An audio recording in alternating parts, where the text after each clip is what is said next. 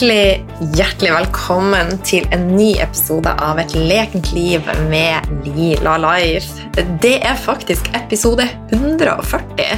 Tro det eller ei. Jeg syns det bare raser av gårde. Eh, men jeg er tilbake fra Oslo. Jeg har vært i Oslo og hatt det helt, helt magisk. Kanskje har du fulgt meg via Instagram på storyen og fått små glimt av eh, det som jeg opplevde. Jeg var på lanseringsfest med gode venninna mi Anniken Najeli. Hun lanserte Yoshibo sammen med han Indigo.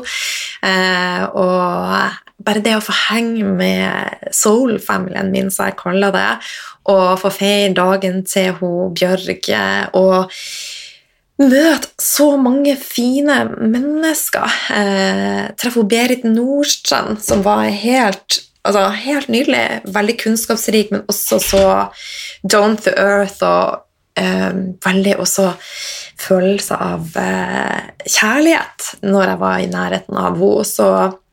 Ja, jeg er rett og slett full av kjærlighet. så livet for meg, det handler mye om de små tingene som til sammen blir til store ting. Og nå føler jeg virkelig at jeg har bare opplevd sånne fantastiske ting.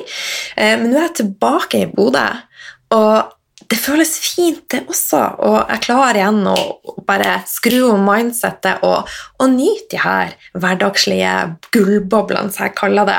Og jeg koser meg sånn ute i dag med kaffen min, og jeg hadde ei rute med sjokolade oppi, og det bare Det var så fantastisk eh, godt.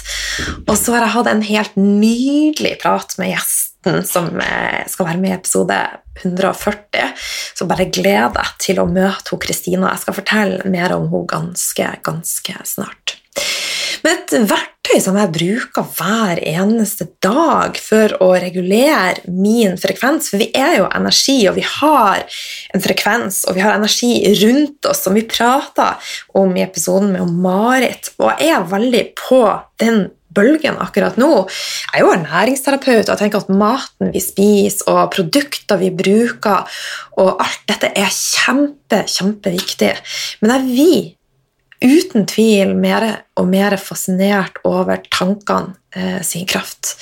Eh, og en som jeg vil anbefale å sjekke ut, er Joe Dispenza. Jeg kommer nok til å dele mer om han. Jeg driver og leser ei eh, veldig veldig fin bok med han akkurat nå. Men et annet verktøy jeg bruker aktivt i min hverdag, er eteriske olje. Og eteriske olje har vært med som en viktig brikke i livet mitt siden 2017, og jeg får veldig, veldig mye spørsmål rundt det.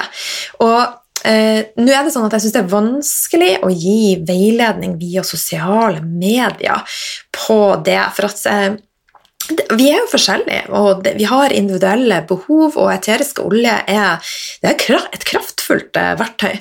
Eh, og eh, Derfor har jeg valgt å sette opp et nytt webinar om eteriske olje, så du har muligheten til å være med den 26. oktober, jeg tror det er tirsdag, klokka halv åtte. Så jeg legger med link hvis du har lyst til å lære mer om eteriske olje. Men tilbake til dagens gjest, som er Kristina. Hun er virkelig ei spennende eh, dame som i årevis sleit med egen seksualitet. Hun hadde faktisk et ønske om et, å rett og slett ha et aseksuelt liv, hun ønska ikke å ha, ha det i livet sitt. Og hun var tidvis langt nede med både depresjon og utbrenthet. Helt til hun bestemte seg for å ta makta tilbake og heale kroppen sin fra innsida og ut. Etter hvert så slapp depresjon og utbrenthet taket, og den ble erstatta med lekenhet, skaperkraft og livsglede. Og i dag så er jo Kristina med og snakker om hvordan vi kan eie og elske vår egen seksualitet. Nå åpner vi en ny dør her på podkasten. Vi skal snakke om seksualitet. og litt mer om hun Kristina. Hun har eh, i årevis jobba som pedagog og terapeut, og nå jobber hun innenfor spesialhelsetjeneste. Og der får hun også brukt sine eh, altså si erfaring fra yoga og mindfulness. Hun har også spesialisert seg nå innen sex, kjærlighet og relasjoner, og jobber som coach innenfor det. Så i episode 140 så snakka vi om Kristinas reise. Eh, hun har opplevd en del traumatiske ting, og som jeg sa, så ønska hun Hun hadde et veldig anstrengt forhold til seksualitet. Så rett og slett hennes reise, hvordan hun healer det, og nå eh, nyter sin egen eh, seksualitet og egen kropp. Vi skal snakke om hva seksualitet er for noe. Hvordan elske ei egen seksualitet. Det med selvnytelse. Og hvordan vi kan integrere mer åpenhet rundt alle disse aspektene. Vi skal snakke om seksualitet, nærhet og hormoner. Hvordan påvirker det hormonbalansen vår? Altså, puppene er jo noe som mange tenker på som et verktøy vi ammer med dem, og det er noe der. Men puppene de har mer for seg enn som så. Så vi snakka litt om det, og hvorfor det kan være lurt å massere puppene og bli bedre kjent med egen pupper. Og hvordan vi kan komme i mer kontakt med vårt eget underliv. Og yoni, hva er det? Og hva er viktig med yoni, og hva ligger der? Og vi skal prate om mye, mye mer. Så er vi veldig veldig glad og takknemlig om du vil dele episoden med ei eller flere søstre, for at det betyr at episoden når ut til flere, og kanskje er du med å endre et liv. Og tilbakemeldinger på podkasten er alltid varmt velkommen. Og jeg leser alle tilbakemeldinger. Nå er det en stund siden jeg har lest opp ei her, men jeg tenkte jeg skulle gjøre det nå. Og den er fra Crazy Moon 11. Du redder dagen min. Fra jeg plutselig oppdaget podden din for et par uker siden, har jeg blitt helt hekta. Jeg har deg på øret når jeg jobber, er håndverker, hører på deg et par tre episoder daglig og storkoser meg enda mer på jobb. Takk for at du hjelper meg å tenke mer positivt, og for at du har åpnet flere dører for meg og de fine gjestene dine, og spennende til alle de spennende temaene du tar opp. Det er virkelig, virkelig min glede, og jeg blir så glad når jeg får sånne fine tilbakemeldinger. Så tusen takk, eh, Crazy Moon. Med det så skal jeg slippe til hun eh, Kristina, og så ønsker jeg deg varmt velkommen på webinar eh, om eteriske olje den 26. oktober klokka 19.30. Og om jeg ikke tar helt feil, så er det en tirsdag, men som du kanskje har skjønt nå, så er jeg litt svirrete når det kommer til datoer, klokkeslett, men skal jeg ha et webinar, så dukker jeg opp. Og så langt så har jeg sluppet podkastepisoder stort sett hver torsdag. Der kan det hende at det faktisk blir en forandring, men det er vi åpne for, ikke sant? Med det så skal jeg slutte å skravle. Så hopper vi i det. La oss snakke om seksualitet og hvordan vi skal eie og elske den. Hjertelig velkommen, Kristina. Så artig å ha deg med på podkasten. Tusen, tusen hjertelig takk, Line. Veldig gøy å være her. Veldig gøy å treffe deg. Ja, i like måte. Mm. Du er jo en veldig nysgjerrig dame, eh, så jeg har lyst til å vite hvordan du starta dagen din. Mm. Du, er alltid eh, så starter dagen min Det første som jeg gjør Jeg har jo um, meditert mye, vært, gjort mye yoga. Så automatisk når jeg våkner på morgenen, så legger jeg merke til pusten min. Og det er sånn, det kjenner det er så verdifullt at det bare skjer automatisk. At jeg kan kjenne, legge merke til pusten min og kjenne på en sånn takknemlighet for den. Og, og så pleier jeg å gå videre. Jeg gjør litt sånn uh, kroppsskanning. Jeg puster inn, jeg fyller på med omsorg og kjærlighet til meg sjøl. Connecter med hjertet og brystpartiet. Mm. inn og fyller på, og så pusser jeg ut, og så sender jeg det til de delene i kroppen min som trenger det der og da. Mm. I tillegg så jeg våkner ofte litt eh, tidligere enn det jeg skal når jeg skal stå opp. Så jeg pleier ofte å gjøre en sånn selvnytelsespraksis på morgenen før jeg står opp. Mm. Så jeg kan gjerne fortelle litt om den som jeg har gjort i det siste, hvis du vil høre om den. Ja, selvfølgelig. Ja. Um, det som er så fint med en sånn selvnytelsespraksis, er, er det at eh, det blir ikke en sånn praksis der jeg liksom åh, må jeg gjøre det her Mm. i dag òg. så det, at, det syns jeg er veldig verdifullt. for Jeg kjenner ikke på liksom, de hindringene som jeg ofte kan når jeg gjør andre fysiske aktiviteter og ting som jeg liksom må pushe meg for å Mm. ut og gjøre. For det, dette er jo sånn ja, lytte inn og kjenne om kroppen ønsker det. Så den siste tida så har jeg gjort en sånn selvnytelsespraksis for å manifestere mine drømmer og mine mål. Og da jobber jeg med en, en kan visualisere, eller jeg kan berøre meg sjøl samtidig. Og så eh, connecter meg med livmora, med livmortappen, som er inngangen til hjertet Mm. og sirkul sirkulere denne energien opp gjennom, uh, gjennom chakrasystemet. Mm. Og det, det som jeg gjør når jeg kommer på toppen, hvis uh, um, jeg nærmer meg et klimaks, så ser jeg for meg når jeg er på toppen, at jeg skyter ut disse visjonene, drømmene mine, og jeg kjenner at, at det er min virkelighet her og nå. liksom Åssen det lukter, åssen det ser ut, og jeg hører. Og så ser jeg for meg at det eh, strør ned over meg fra, fra universet, da, og at det kommer til meg det som jeg trenger, det som jeg ønsker. Og så minner jeg meg sjøl på jeg sier jeg er verdig, jeg er verdig, jeg er verdig. Jeg er verdig å oppnå mine mål så lenge de er hjertesentrerte.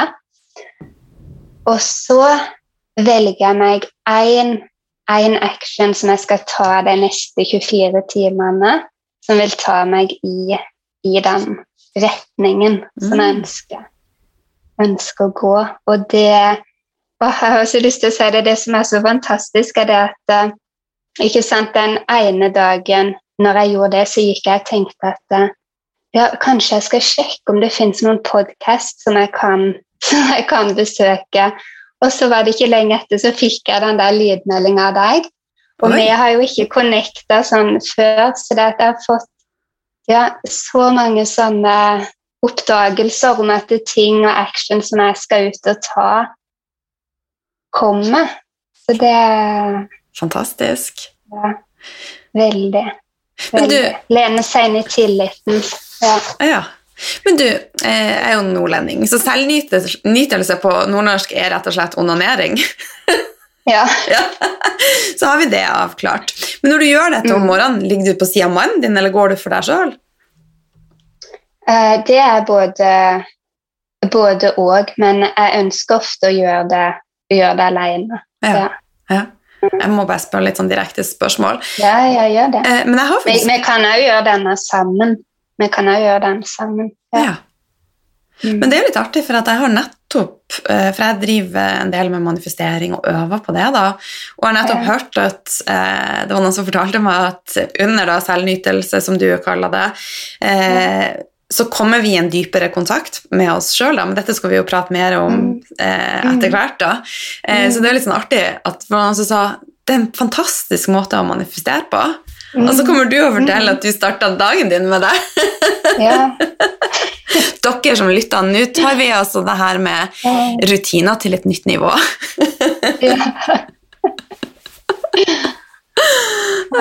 Men er det sånn at du Det er ikke hver dag, eller bare sjekker du inn med det når det liksom føles uh, ok? Ja, jeg, jeg kjenner etter, liksom. Og så er det, jo ikke, det jo ikke alltid det passer inn heller.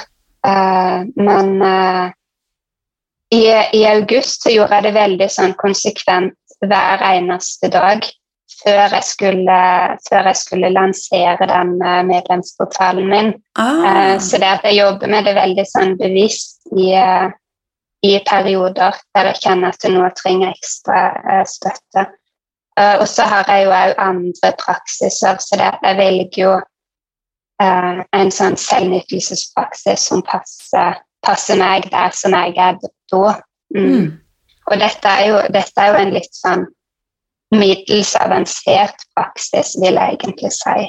Det er en del andre praksiser som en kanskje bør begynne med først, for å liksom ha mer fokus på det med egenkjærlighet og kjenne etter er den skammen, hvor de avtrykkene jeg har tatt som jeg ikke trenger å ha lenger. Um, mm. Ja. Så jeg har gjort uh, en god, god del andre ting før, uh, før det er denne som jeg har begynt å jobbe, jobbe dypere med. Mm. Utrolig spennende. Mm. Men du, dette er jo første gangen du eh, gjester podkasten. Så jeg, har jo, jeg kom over det via Instagram eh, og vei liksom sånn jeg tenkte at dette er spennende, dette må jeg bare hive meg med på. eh, og så meldte jeg meg inn i portalen din eh, og eh, kjenner at jeg er veldig nysgjerrig. Men jeg er også nysgjerrig på, mm. på de reiser. Kan ikke du fortelle litt om, mm. om, hvem du er, og hva gjør at du er kommet dit der du er i dag, og har funnet ut f.eks. Mm. at selvnytelse er en viktig del liksom, av ja, livet ditt. og Mm. Ja, for det er så lett å undertrykke også disse tingene. Men fortell litt om mm. deg sjøl, da. Mm. Ja. Um, du har kjent at jeg har lyst til å fortelle litt om uh, i vinter. Uh, da jobba jeg veldig uh, dypt med meg sjøl, var inne i mye prosesser. Um, jeg gikk i måneder der jeg begynte å kjenne at jeg hadde en veldig sånn smerte i hendene mine. I, i pulsleddet. Det kjentes veldig svake, kraftløse. Det var en veldig merkelig, merkelig periode. Um, og så bestemte jeg meg for at jeg ville gjøre et sånn ritual for å gi tilbake all den smerten som jeg har tatt på meg, som jeg har båret for andre, som jeg tok på meg eh, som barn. da. Og før jeg visste om om den smerten før jeg begynte å ta på meg det som ikke var mitt. Så var jeg veldig utadvendt. Jeg drømte om å bli sanger, skuespiller, og jeg kjenner den følelsen jeg skinte. Jeg var veldig stolt av meg sjøl og den barnedrømmen. Og så vokste jeg opp i en veldig dysfunksjonell familie der det har vært omsorgssvikt, overgrep i generasjoner. Og det å synes var ikke så veldig greit. Eh, det var mye misunnelse, sjalusi, redsel for å skille seg ut. Og En stund så opplevde jeg å bli tatt fra det kjæreste som jeg hadde, uh, fra min mor. Uh, og da gikk jeg veldig mer sånn inn i meg sjøl, kjente at den gnisten min slokka. Mye vonde følelser som tok over. Og all den er veldig sensitiv, og alt det som jeg tok inn, som var andres. Så i vinter så kom det til meg at jeg bestemte meg for at jeg skulle gjøre et sånt ritual for å gi det tilbake. Og det jeg forstår nå, som jeg ikke forsto som barn, det er det at andre kan ikke få tilgang til hele sin smerte hvis jeg skal gå og bære på den. Så det er jo helt nødvendig å gi den tilbake til andre, sånn at de kan eh, ta hånd om den. Så det jeg gjorde, var det at jeg satte opp Jeg så for meg morslinja bak meg, farslinja bak meg, og kjente på kraften fra min mor, at hun er sterk nok til å bære sine egne ting. Mm. Og jeg ga det tilbake. Og jeg så for meg at hun gjorde det samme med sine. Ga tilbake uh, i hvert ledd. Så jeg gjorde det på hver, uh, hver side. Og da tilbake til det med hendene, for det kom en sånn en utrolig, utrolig sånn styrke og rush inn, inn i hendene mine i denne prosessen her. Um, så jeg har tenkt at de har på en måte klargjort seg for den, den renselsen, den, uh, den, prosessen, for å gi, gi, slipp. Og det var sånn mitt første møte med sånn ordentlig kundalini-energi, tenker jeg. Og den natta så drømte jeg mye om eh, slanger, som var et sånn symbol for transformasjon. Og jeg har hatt en sånn eh, smerte i underlivet eller i baken som har vært sånn utrolig intens, veldig smertefull, veldig vond, sånn at jeg bare må opp, jeg må løpe, jeg må vekk, vekk fra den. Uh, og det er ikke noen sånn som har funnet ut og den smerten er forbundet med, men jeg skjønner det, for jeg har jo hele tida visst at det går ikke an å identifisere den. Det er energetisk. Um, og den natta så, så jobba den energien på en sånn helt annen måte. Ikke med den intense smerten som har vært, og i det området, men så sirkulerte den òg rundt om i, eh, i bekkenområdet og livmora. Og ja. Så dagen etter Jeg begynte på jobb klokka sju dagen etter uh, i spesialisthelsetjenesten, et sted som jeg elsker å være. Uh, døgnpost for mennesker som sliter med avhengighet og traumer. Mm. Men når jeg satt der i bilen før jeg skulle inn på jobb og mediterte, så visste jeg med hele meg at det var skjedd et skifte. At det var begynnelsen på noe nytt. Og det kjentes som en sirkel var blitt uh, slutta.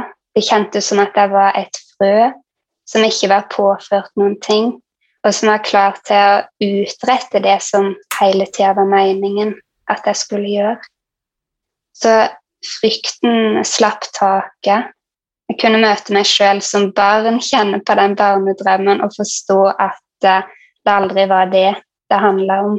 Mm. Jeg kjenner, ja, jeg blir rørt av det, at uh, det er noe helt, helt annet. Og den uh, bitterheten rundt meg slapp taket. Mm. Mm, for det en har opplevd. Jeg forsto sammenhengen. Mm. Fantastisk. Det føler Når du snakker, så det er som, som poesi. Det er veldig, veldig fint å høre på. Eh, så takk for at eh, du deler. Eh, jeg var akkurat på, på et ganske sånn kraftfullt retreat, og da satt vi og snakka med en veldig vis mann, og han sa at all healing, det går Du må tilbake til røttene dine. Og det er jo det mm. du faktisk mm. sier nå. Altså, du kan gjøre så mye med deg sjøl du vil, men du er nødt til å gå bakover i linjene. Du er nødt til å, å skape mm. fred med både mor og far, og kanskje lenge bak. Så eh, ja. Absolutt. Mm. Veldig kraftfullt. Kan ikke du fortelle litt mer hvordan du kom inn på dette sporet? Altså, hva gjorde at du liksom begynte på denne reisa? Du, det, det, har vært egentlig min sånn uh, evige søken om å integrere og hele seksualiteten min. Mm. Og forstå den og bli, uh, bli, venn med den. Det er egentlig, det, er egentlig det som ligger under, under alt det, det, som jeg har gjort, og det jeg har leita etter, og de, ja, de svarene jeg har søkt. Mm. mm. Men det er jo ikke så lett å komme inn på det med rett kunnskap. og Hvor fant du folk hen, og hvem, er det noen spesielle som har inspirert deg? Mm. Oh, det, det, er litt, eh, det er litt vanskelig spørsmål. Ja. Eh, men uh, på en måte i forhold til Jeg har funnet liksom mye sånn Eh, vestlig inspirasjon, og òg i de utdanningene som jeg har valgt å ta innen det med psykisk helsearbeid. Det var jo noe liksom, Jeg er opptatt av, av, det vestlige og det å bruke tenkehjernen, det, det behovet vi har for å forstå noen ting. Mm. Uh, så det at det har vært en, en viktig del, de uh, utdanningene. Og, og, så etter hvert uh, så søkte jeg jo videre, så jeg har jo gått uh, utdanne meg innen mindfulness, yogalærer og en sånn alternativ sexologisk retning som er mer innen tantra, taoisme. Mm. Jeg så at Ikke sant at jeg kom til et punkt der jeg trengte å jobbe mer helhetlig med ting. Eh, for å endre mønster, endre nervesystemet mitt og de avtrykkene som jeg har fått opp igjennom. Gjennom en sånn kroppslig integrering, praksiser og meditasjoner der jeg kan slå av den tenkehjernen òg. Men jeg vil, jeg vil, si at begge, begge disse tingene, begge de, alle de ulike tilnærmingene er liksom det som jeg har uh, alt, alt, har gitt meg noen ting. Mm på veien. Ja. Fantastisk. Og så kom det til et punkt der du ønska å hjelpe andre. Og hva mm. gjorde at du liksom tenkte at jeg har lyst til å hjelpe andre kvinner å bli trygg på egen seksualitet? Mm. mm. Jo, altså, det var jo den, den vintermorgenen i bilen der, eh, der alt, ga, alt ga mening. Um, og jeg kjente at uh, Ikke sant Jeg har prøvd å jobbe med å uh, be om hjelp på ulike ting til min seksualitet i 15 år. Mm. Så jeg har gått den, uh, den veien sjøl i, i, dybden. Og jeg kjente at jeg skulle så veldig gjerne ha hatt akkurat det, akkurat det som jeg nå har lagd, for at ikke den veien hadde trengt å være, å være så lang. Mm. Og så så jeg skjønte at ok, det fins ikke, det er ikke der ute. Og da, da, var det sånn Det var akkurat som da har jeg ikke noen ting valg. var det rett og slett et kall? Ja, ja, ja. Det var det. Mm. Og jeg har aldri hatt noen drøm eller ønsker eller noen ting om det å, å jobbe for meg sjøl, da. Men uh, jeg kjente at uh, Så jeg, det er veldig godt å ha den samtalen her, for det min, minner meg på alle de andre oppgavene og de tingene jeg gjør. Liksom Dette minner meg om kjernen for hvorfor, hvorfor jeg gjør det jeg gjør. Og for meg sånn, jeg, jeg blir rørt av å tenke at min seksualitet har endra seg. For det, det var noen ting som jeg hadde gitt opp. Eh, at jeg kan sette pris på seksualiteten min, at jeg kan være stolt av den. Så da er jeg her åpen om at jeg har hata seksualiteten min. At jeg skulle ønske at den ikke fantes. At jeg kjente at det ville vært et problemfritt liv, rett og slett. Mm. Eh, om jeg ikke hadde den, om jeg kunne leve et aseksuelt liv. Allikevel så har jeg igjen og igjen forsøkt å og hele den, så jeg har ikke gitt opp. Jeg har gjort det for min skyld, mm. ikke for noen andre sin skyld. Mm. Men er det fortsatt en sånn Føler du at det er en kontinuerlig prosess, at du fortsatt er i healing, eller tenker du at du har liksom kommet dit du ønsker å være? Nei, jeg, jeg tenker at vi alltid vi er alltid i, uh, i prosesser, mm. og at vi får det vi skal når vi skal. Um, mm. Jeg er helt enig. En kan gå dypere og dypere. En skreller noen lag, og så lukker det noen ting annet, mm. noen ting annet opp. Mm. Og så har jeg veldig lyst til å nevne òg, for jeg har vært inne på den bakgrunnen min. Men jeg vil òg si at det å slite med seksualiteten sin, det handler ikke kun om overgrep. Det kan være ulike former for eh, vold, krenkelser, det å være vitne til noen ting. Alt dette kan være med å gjøre at den næreste relasjonen til seg sjøl og til noen andre kan bli vanskelig. Og vi kan ha det vanskelig og utfordrende med seksualiteten vår uten å forstå helt hvorfor. Fordi vi kan arve traumer, det vet vi noen ting om i dag, hvordan det kan sette seg i nervesystemet. Og det er heller ikke unaturlig at eh, ikke sant, Det er et kulturelt traume av bare det av å vokse opp eh, som kvinne i det samfunnet her, og det synet som en har sett, som en har hatt på kvinner og seksualitet, eh, gjerne fra ei, ei mannlig linse. Mm. Ikke nok kompetanse, ikke nok opplysning. Og det, det gleder jeg meg til å komme inn på litt senere. Mm. og jeg tenker også sånn som For min del jeg har liksom vokst opp eh, liksom jeg har vokst opp med spiseforstyrrelser og et lavt selvbilde. Det er jo også noe som i stor grad kan være med å forstyrre mm. egen seksualitet og gjøre at man skammer seg over egen kropp. og Kanskje har man mm. sex med noen bare for at man føler at det er forventa, og for at selvfølelsen faktisk er så lav at ja, det er vel bare sånn det skal være. Mm. Så her er det jo mange aspekter. Mm. Mm. Ja. Så, men, men altså, mange, når de hører seksualitet, så tenker de jo sex. Altså, Det er mm. liksom den her boom-boom. Men det er jo så mye mer enn det. Kan ikke du beskrive hva, hva du legger i ordet seksualitet? Mm. Og det er sånn det du sier med det der eh, bom, bom, ikke sant, den der kraften det, det, er jo fordi at det, det, er det samfunnet rundt oss har, har, gitt oss. Det er jo det der uh, mannlige, det maskuline perspektivet. Um, for meg så var det sånn at når jeg hørte det ordet seksualitet, så knøyt det seg i magen min. Men når jeg hører seks, seksualitet og det ordet i dag, så kjenner jeg på et sånn stort ja mm. til livet. Det er en naturlig del av meg. Det er det å koble seg på livskraften, livskraften sin. Og når en kommer i kontakt med seksualiteten og skam kan gi slipp, når vi kan skape nye assosiasjoner, så kjenner en seg En blir så i live. Og det er det seksualitet er nå for meg. Det er å være i live, det er å leve livet fullt ut. Og ja, det er det jeg kjenner som er enorm med energi, kraft, kreativitet og lekenhet, sånn som føles som at det ikke tar slutt. Og jeg har begynt å male igjen, jeg har begynt med veldig mye sånn kreative prosesser etter jeg fikk integrert det. Og all den, sant, den seksuelle energien her, og så vi kan ta med den inn på andre livsområder.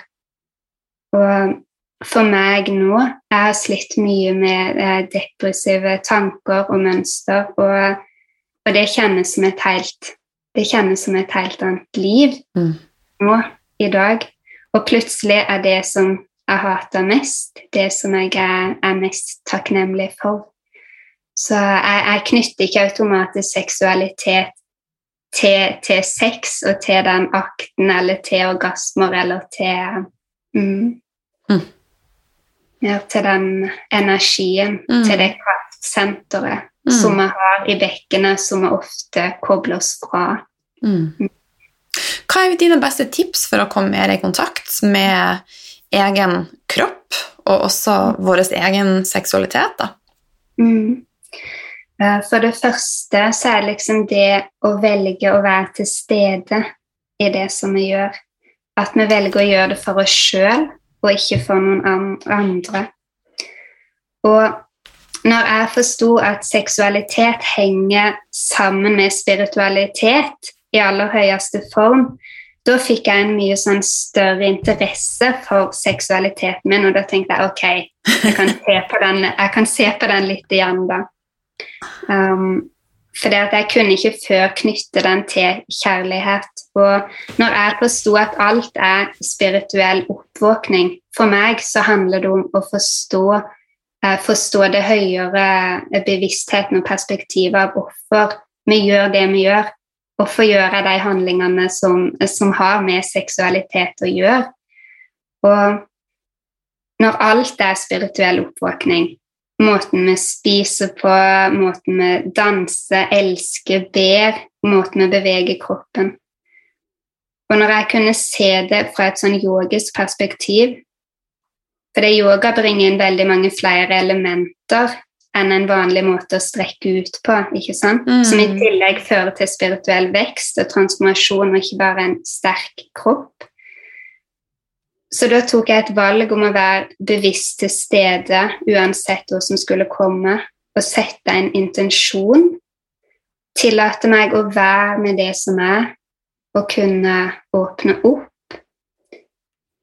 Og hvis man tar det eksempelet å meditere, så er ikke det bare å sitte. Vi har med en hensikt og en intensjon om å meditere. Så vi har et verktøy, vi fokuserer på pusten, og vi bringer inn den tilstedeværelsen til praksisen, til det vi gjør. Og det er jo det som skiller yoga fra utstrekning. Intensjonen og bevisstheten om å være på en yogapraksis, om å meditere. Mm. Eh, det å forstå at det kobler seg til en høyere bevissthet, at en kan bruke verktøy for å lette prosessen og så inviterte jeg den tilnærminga som jeg hadde lært fra meditasjon og fra yoga, inn i min seksualitet. Så jeg begynte å bringe inn og sette en intensjon om å gjøre min seksualitet om til et rituale, og gjøre min seksualitet om til en åndelig praksis, til noe dypere og finere enn det jeg assosierte det med. Og bare med den enkle bevisstgjøringa der, så opplevde jeg at uh, min seksualitet og det å ha sex ikke lenger ble et sted som tappa meg for energi, men at det da ble et sted som ga meg energi. Mm. Mm. Har du en happy mann Mm. som elsker denne utviklinga? Det, det er både og, Line. For det, eh, og det ser jeg jo ikke sant med kvinner som jeg jobber med, når at vi connecter oss med, med underlivet, med disse energiene, når vi hedrer ionien vår, eh, så, så kan det være et nei like mye som et ja. Mm. Mm. Men uansett, så jeg tenker ha- happy wife, happy, happy life. så det at du har liksom funnet denne oppvåkninga, som du beskriver det som, og kommet mer i kontakt med deg sjøl, det er jo en gave til deg sjøl, men det er jo også en gave til de rundt deg. Mm. Ja. Absolutt, absolutt. Altså, og det er sånn, bare litt sånn der tilbake til hvorfor en gjør det en gjør, så er det sånn, ja, vi kan skape en endring i oss, eh, og med at vi gjør det som vi gjør, så vil det, det vil påvirke de som var før oss, og det vil påvirke de som, de som kommer etter oss. Mm. Mm. Til at ting ikke lenger trenger å være så vanskelig, så komplisert. Mm. Mm. Fantastisk. Men du, det med seksualitet og det å prate om selvnytelse eller onani eller samleie eller alt som det innebærer, det er jo eh, mye tabu rundt det. Eh, så hvordan kan vi få inn mer åpenhet for det å, å ha altså, eh, altså rett og slett kose seg med seg sjøl eller ha sex med en partner? Det er jo den mest naturlige tingen. Det er jo sånn vi er blitt til. Mm, ja. Først så tenker jeg liksom før den åpenheten som en på en måte ser litt på, og, og som har skapt, og som har gjort at den ikke er der. Mm. For det at når vi alle går gjennom livet vårt og vår seksualitet og den, de ulike fasene seksualiteten har, så vi plukker jo opp historier fra mennesker, fra de rundt oss, fra religion, fra samfunnet, fra medier, fra foreldrene våre, fra jevnaldrende, fra porno, fra alle de tingene som har eh, skjedd oss Mm. gjennom livet. Og disse avtrykkene de legger vi jo sånn fysiologisk inn i nervesystemet. Og det blir ikke alltid bare et sånn trossystem, en sånn sannhet. En kan, det kan begynne å kontrollere virkeligheten vår, det kan forme kroppen vår. Og det kan gjøre at eh, seksualitet ikke lenger At den ikke lenger kjennes som, som vår, liksom, men det er det vi har mottatt fra alle andre rundt oss. Historien alle andre fortalte oss om nytelse, Mm. eller ikke fortalte oss. Sånn at den orgasmiske naturen som vi har tilgang på, de egne erfaringene som vi har inni kroppen, blir sånn kontrollert av alle rundt oss, og vi må på en måte starte der, vi må oppdage det. Og jeg tenker at vi, vi blir ikke trygge og integrerte voksne i vår seksualitet når vi ikke går inn og ser på det. Og de færreste av oss gjør det. De aller fleste av oss går i det der vante, det som vi har lært, og lar det være, lar det være den, den sannheten. Så det er jeg veldig opptatt av, for det, at det som skjer da, det er at man ikke blir trygg nok i seksualiteten. Mm. Så i møte med barn, unge, ungdom, så vil en liksom avseksualisere de. Det at vi ikke kan stå trygt i oss sjøl. En vil ikke at barn skal få leke nakne, for det at noen kan ta bilde av dem. Um, Det er jo utrolig synd. ja, og satt på spissen så vil jo all, et barn vil aldri vite at det bildet har, har blitt tatt Nei. hvis det skulle skje. Men de avtrykkene vi gir det med å springe etter det, med å få dem til å kle på seg hele tida, det vil de huske. Ikke sant? At vi gjorde det naturlige unormalt. Mm. Og, og den skammen som det fører med seg. For det, og de speiler oss.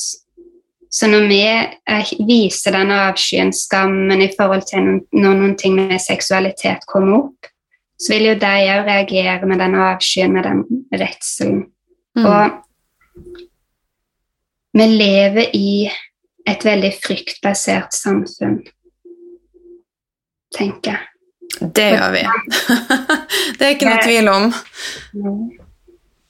Og det når vi er inne på disse tingene, så er det jo eh, liksom alt det så avtrykkene, det som vi har tatt med oss, så er det jo naturlig at vi har gjort sånn som vi gjør. Mm. Så det, vi skal ikke straffe oss sjøl eh, for det.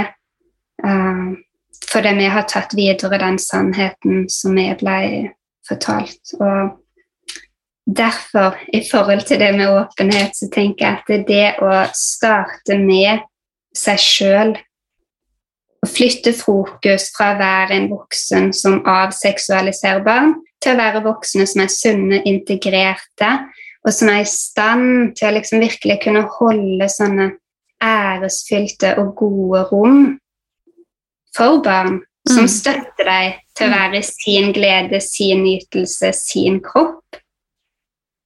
Da går vi foran som, uh, som gode eksempler. Mm.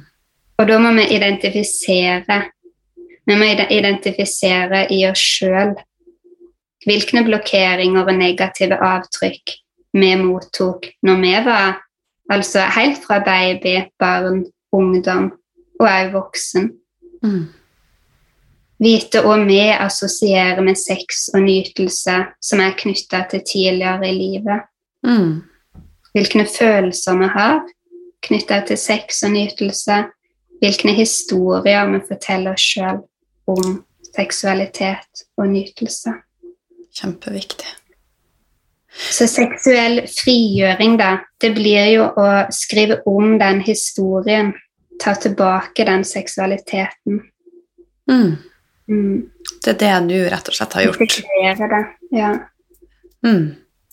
Det er det jeg jobber med kontinuerlig. Ja. Ja. ja altså det, det, er så viktig også, for jeg har jo gjort veldig mange grep som har gjort at jeg har fått et veldig veldig mye bedre liv. Men jeg er også en, altså alle er vi i en evig prosess, så det er jo mm. ingenting i livet som er statisk. Så hvis jeg hadde gått tilbake og levd sånn som jeg gjorde for ti år siden, så hadde jeg kommet tilbake der jeg var. Mm. Eh, så det er noe mm. med å være i en, en flyt og hele mm. tida tenke hvordan dører kan vi åpne, og bare være nysgjerrig. Mm. Det syns jeg er så utrolig viktig. Mm. Ja. ja, absolutt. Og det blir jo sånn når en ja, når en gjør disse valgene, en skinner mer, en synes mer, en, en klarer å være mer enn det en har vært. Men, men, det er jo som du sier, de valgene må vi jo ta hele tida. Vi må mm. ta de valgene hver, hver dag. Mm. Mm. Og da når vi gjør det i forhold til seksualiteten vår, da, så blir vi jo ikke lenger vår foreldres historie, vår religion sin historie eller den kulturelle historien. Da blir seksualiteten vår. Mm. Den ytelsen blir vår egen, ikke for andre, men mm. for oss. Mm. mm. Da, da, passer det godt å prate om det å rett og slett det med selvnytelse. For at eh, Altså, vi vet jo at når vi berører, og når vi gir noen en klem, eh, når vi har seksuell eller intim omgang med andre, så skiller vi ut et hormon som heter oksytoksin. Men vil vi kunne eh, rett og slett øke produksjonen av oksytoksin med å eh, ta på oss sjøl? For det er ikke alle som har en partner. Mm.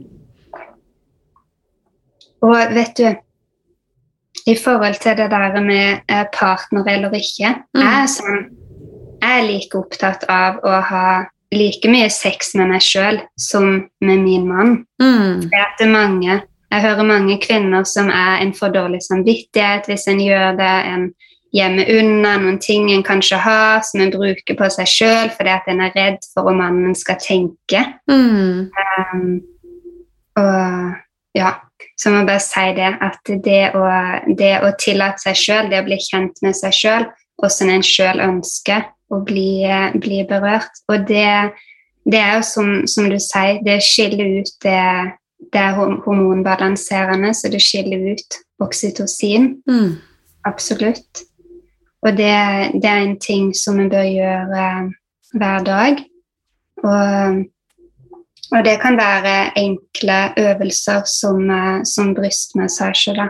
Ja. Det er en øvelse som jeg bruker ja, som jeg fort kan gjøre flere, flere ganger til dagen. Og det å innføre en sånn brystmassasjepraksis, det gir en veldig, veldig stor innflytelse på livet. Mm. Jeg var med på, eh, på et kurs eh, i fjor, tror jeg det var, med Kate Murphy. Og da mm. fikk jeg hjemmeoppgave å massere puppene mine med i lang i lang, og jeg var litt sånn stor i øynene. oh, det var litt av en hjemmeoppgave. Så selv for et år siden så var det ganske nytt for meg. liksom. For vi har jo også med pupper så er det liksom, Puppene det er liksom til amming, det er, det er liksom en praktisk greie, og noen liksom har store, noen har små, men vi tenker ikke på at det er noe følelsessenter eller men Kan ikke du fortelle litt om hvorfor en eventuelt massasje på puppene Hva gjør det bra for oss kvinner? Mm. Du vet du, Åssen eh, det var for meg, var det at jeg hadde heller ikke hatt noe sånn forhold til, til brystene mine. Det var liksom et, et sted som jeg hadde, hadde slått litt av. Mm. Når jeg lærte òg en sånn hvorfor det er viktig med en sånn brystmassasje. Når jeg forstår at det er hormonbalanserende, ikke sant? når jeg forstår at eh, ok, det handler om kjærlighet, det handler om økt medfølelse for meg sjøl, mm. økt medfølelse for andre. Og når jeg skjønte at en sånn brystmassasje det vil hjelpe meg til å åpne meg, det vil eh, Ikke sant Det, det åpne hjertet. Mm. Og når at jeg fikk en sånn uh, en praksis å gjøre Jeg har lagd en òg, som ligger ute. Og det, det, er en renselse, liksom. Det å kunne rense brystområdet, det å kunne gi slipp på det en trenger å gi slipp på, det en ikke trenger å ha med seg. Og kunne fylle på med, med energi, fylle på med de kvalitetene. Se for meg at jeg bringer til meg det som jeg trenger i livet. Mm.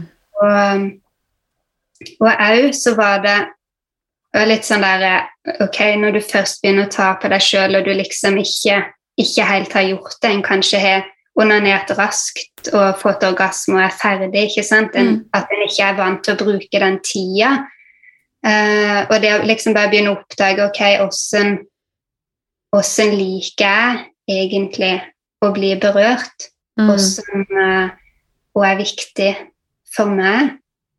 Så ja, det å få en mye sånn der større forståelse for at dette er jo for meg. Det er ikke der for noen andre. Det har hele tida vært der mm. for meg. Og når en lærer seg hvordan en ønsker å bli berørt og en liker, så kan en jo mye lettere fortelle om det. Ja. Og så kan en òg slutte å finne seg i ting som ikke er bra for en. Mm. Berøring som en ikke liker. Mm. Sånn at vi, vi, velger seksualpartnere som kan møte Som kan møte oss sånn som vi ønsker, fordi mm. at vi er, vi er verdifulle. Mm. mm. Jeg tror det er mange kvinner, og sikkert menn også, som opplever når de er intime med andre, at de gjør stillinger eller ting som ikke føles komfortabelt, men så er det òg sånn at man en del av oss tenker ja, ja, men alt kan vel ikke være godt, og så er det kleint å si ifra. Og, men sånn bør det jo ikke være. Vi bør jo si ifra når noe ikke føles godt, og 'dette liker jeg ikke', 'dette liker jeg', og ja, Er du ikke enig i det? Jo, og det er jo litt det som du var inne på når du snakka om det med dette spiseforstyrrelsen din og de tingene òg. Mm. Ikke sant? Jeg òg har hatt sex for å føle verdi. Mm. Ikke sant? Ja. Mm. Ja, og det må vi slutte med. Ja. ja det må vi slutte med. Mm. Ja. Mm. Men, det, det, kjenner jeg i forhold til, så bare si det fort i forhold til liksom ungdom og ting òg, at en liksom en, en, må ikke, en må ikke bagatellisere seksualiteten og det å ha sex med en annen person. Og med det er ikke ønsket å være moraliserende, men det er jeg ønsker at mennesker skal, skal eie den prosessen. Skal mm. skape gode, fine opplevelser for hverandre. Mm. For i dag så vet jeg at det blir sagt ja, men sex det er egentlig ingenting, en bare gjør det, og så er en ferdig, ferdig med det. Mm. Og en kan godt ha et ønske om å ha lyst uh, til å ha flere seksualpartnere og ikke være i fast forhold og sånne ting, men ikke sant at vi bare kjenner innenfra at eh, dette gjør jeg for meg, Mm. meg, ikke for noen andre. Det er kjempeviktig. Mm. Veldig, veldig viktig. Eh, ja, det er så spennende å, å, å snakke om, eh, om det her. Altså, ting også som Det er sikkert noen lyttere som bare får litt sånn Wow! Prater de faktisk om eh, onani og sex og Men eh, det er jo veldig, veldig viktig.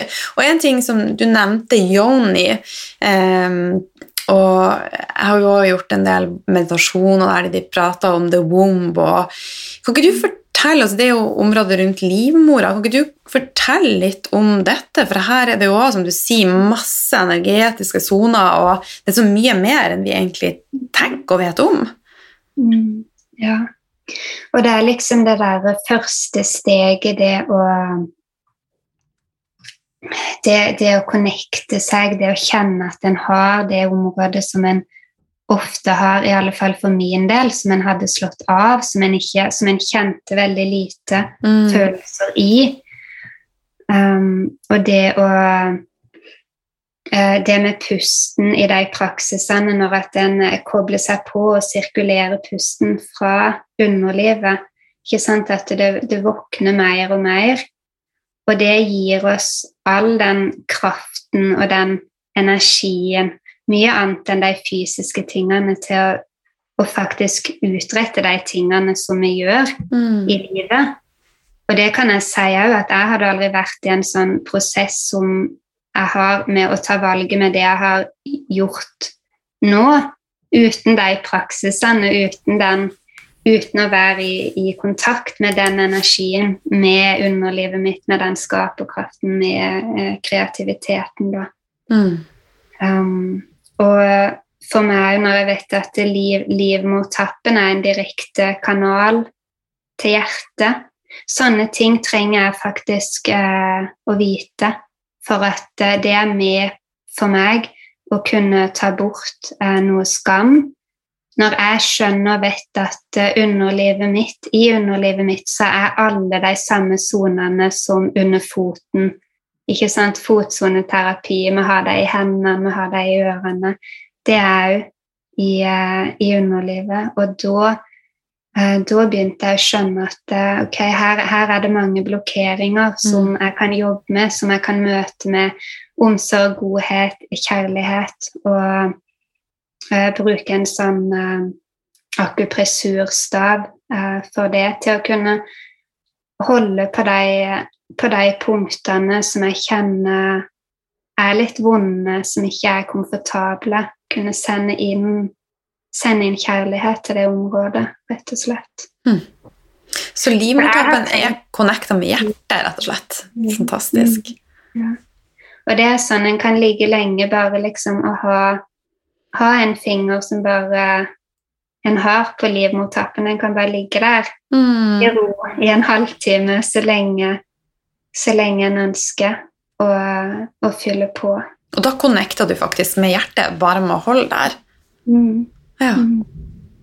Og er det noe i dag som kanskje er vanskelig for mange, så er det jo å connecte med intuisjon og hjerte, for vi er så mye i hodet vårt. Så dame, nå er det lurt å bare tenke at neste gang du legger deg ned og mediterer, prøv å kjenne etter. Føles det annerledes om du legger fingeren din faktisk eh, på eh, livmortappen? Er det sikkert et kjempedumt spørsmål. Er det klitoris? Nei. Det er, det er jo enden på livmora, så det, den er ganske Så da må vi ha fingeren inn.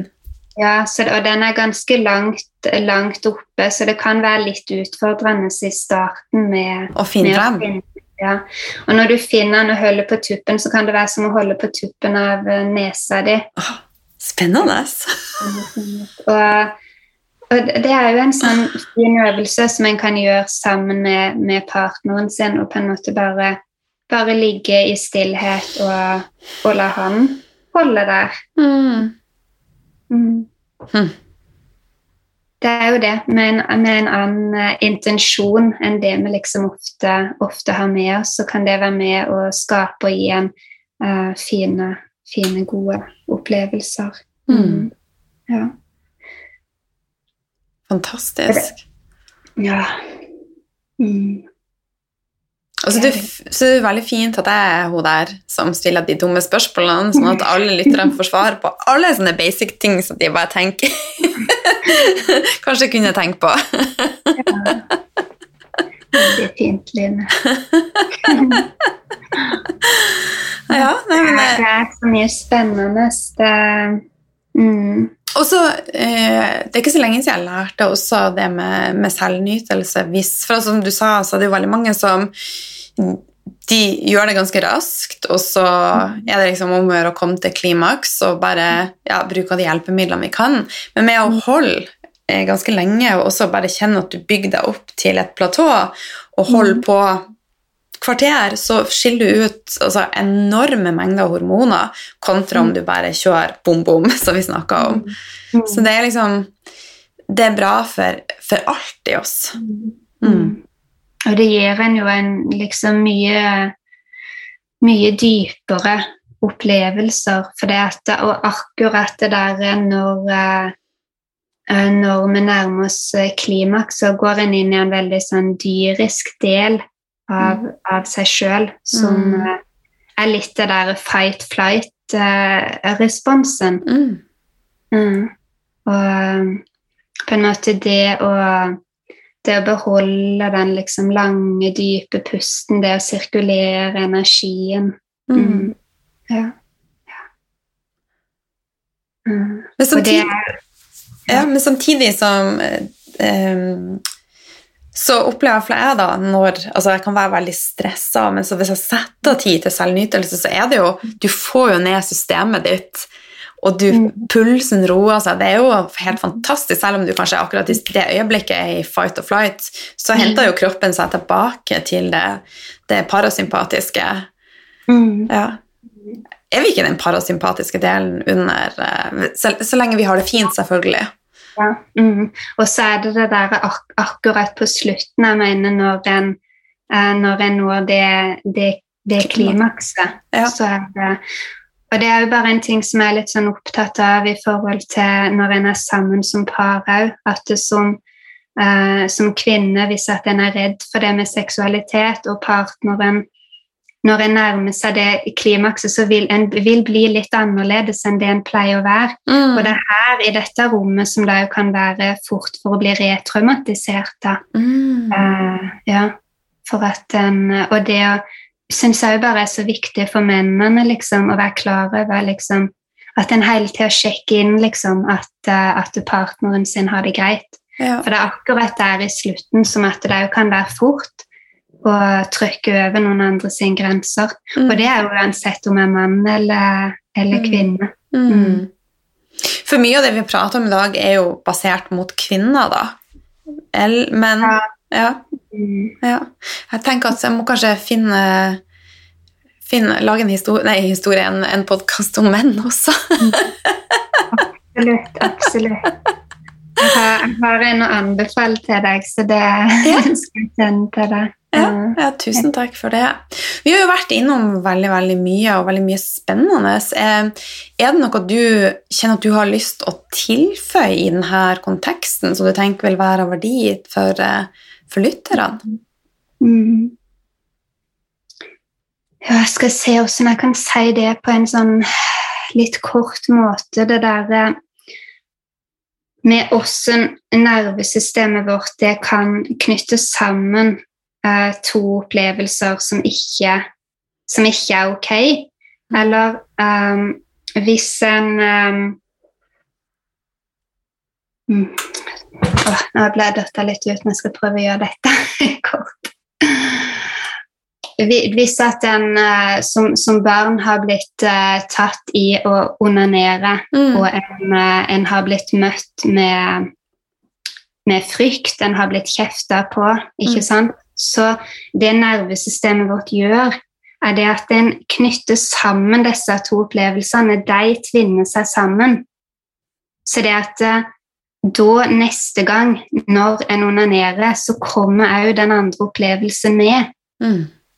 Og det er interessant, ikke sant? Og dette handler jo om ja, hvis vi har mottatt avtrykk om at det ikke er greit å ha en kropp, så hver gang vi ser oss sjøl i speilet, så vil den skammen som noen andre har påført oss, den vil komme, den, den vil være med. Og det tenker jeg at det er en så veldig viktig eh, bevisstgjøring og det er mye av det som er viktig å jobbe med, å begynne å vikle ut disse tingene mm. og skape seg de nye sannhetene. For det at uh, endre nervesystemet sitt For vi kan legge, rett, legge til rette for nye, nye nevralbaner mm. i oss. Ikke sant? Og det er det som er så viktig. Mm. Det er det som er så viktig at vi gjør. Mm. For at de etter oss òg skal få, få gode seksualliv, for at de skal eie seksualiteten sin.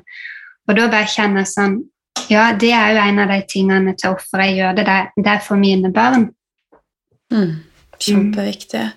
Så um, dette var faktisk en, en, ting jeg tenkte på når vi snakka om onani. For at uh, det er jo veldig lett som foreldre hvis du tar f.eks. et barn i å, å kose med seg sjøl, at du, du, lager skam rundt det. Hva er dine beste tips da, til å, å, møte hvis man tar barnet sitt på fersken? Hva, hva du ville ha sagt? Nei jeg, nei, jeg, bare tenker at det er jo kjempefint. Ja. At de Så bare trekker seg stille tilbake ja. og bare Du trenger ikke å si sånn Så bra!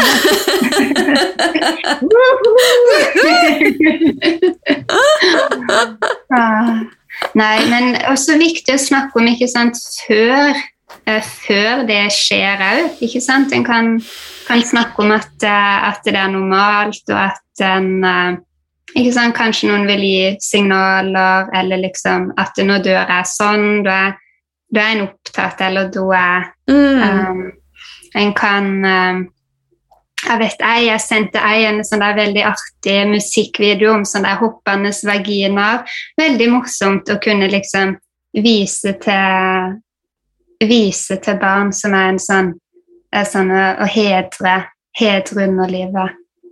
Hedre underlivet vårt. Og òg kunne gi og si uh, speil. At, en, uh, at, de har tilgang på et speil til å kunne se, til å kunne undersøke og bare vite at uh, det er et fantastisk fint sted som vi har. Mm. Ikke sant? Vi jobber jo med å ta godt vare på hendene våre, neglene våre, ansiktet vårt. ikke sant? Og så glemmer en, glemmer en den delen. Mm.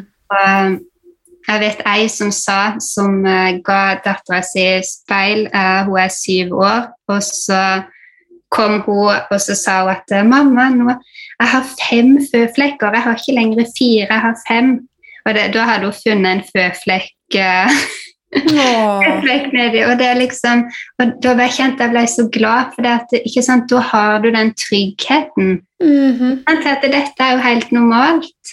Men kunne si det som ikke sant, Som om det var en føflekk bak øret. Mm. Det, var sånn, det, var sånn, det var Og det er sånn det, er sånn det bør være. Det er sånn Ja. Absolutt. Det var veldig fint. Men igjen, når en lever ikke sant, i det fryktbaserte samfunnet og det som er det er ikke lenger sånn at barn i barnehagen springer i sprederen uten å ha på seg noen ting. Det er liksom Så uh, jeg har veldig forståelse for at en er en er redd for å snakke med barna, en er litt redd for hva de skal si videre, en er redd for å mm. uh, men, men, vi må videre. Vi må forbi det. Mm. Enig. Du, dette har vært uh, veldig, veldig fint. Uh, føler at, at jeg har åpna ei ny dør i dag. Så det har vært fint. Spennende. Hvor kan lytterne treffe deg hen? Mm. Eh, på, på, Instagram og på Facebook under Kristina ja, Kristina.merete har jeg på Instagram, og så har jeg nettside kristinamerete.no. Mm. Mm. Og der har jeg òg eh, en sånn gratis eh, praksis i forhold til brystmassasje, i forhold til ionien og ja, en sånn sensuell, en sånn sensuell praksis da, som en, kan, som en kan få tilgang til, som mange bruker. Så det er mm, Fantastisk. Tusen takk for, eh, for, tida di og for at du har delt så åpenhjertig. Det har vært eh, veldig, veldig fint. Ja. Tusen takk til deg, Line. Tusen hjertelig takk.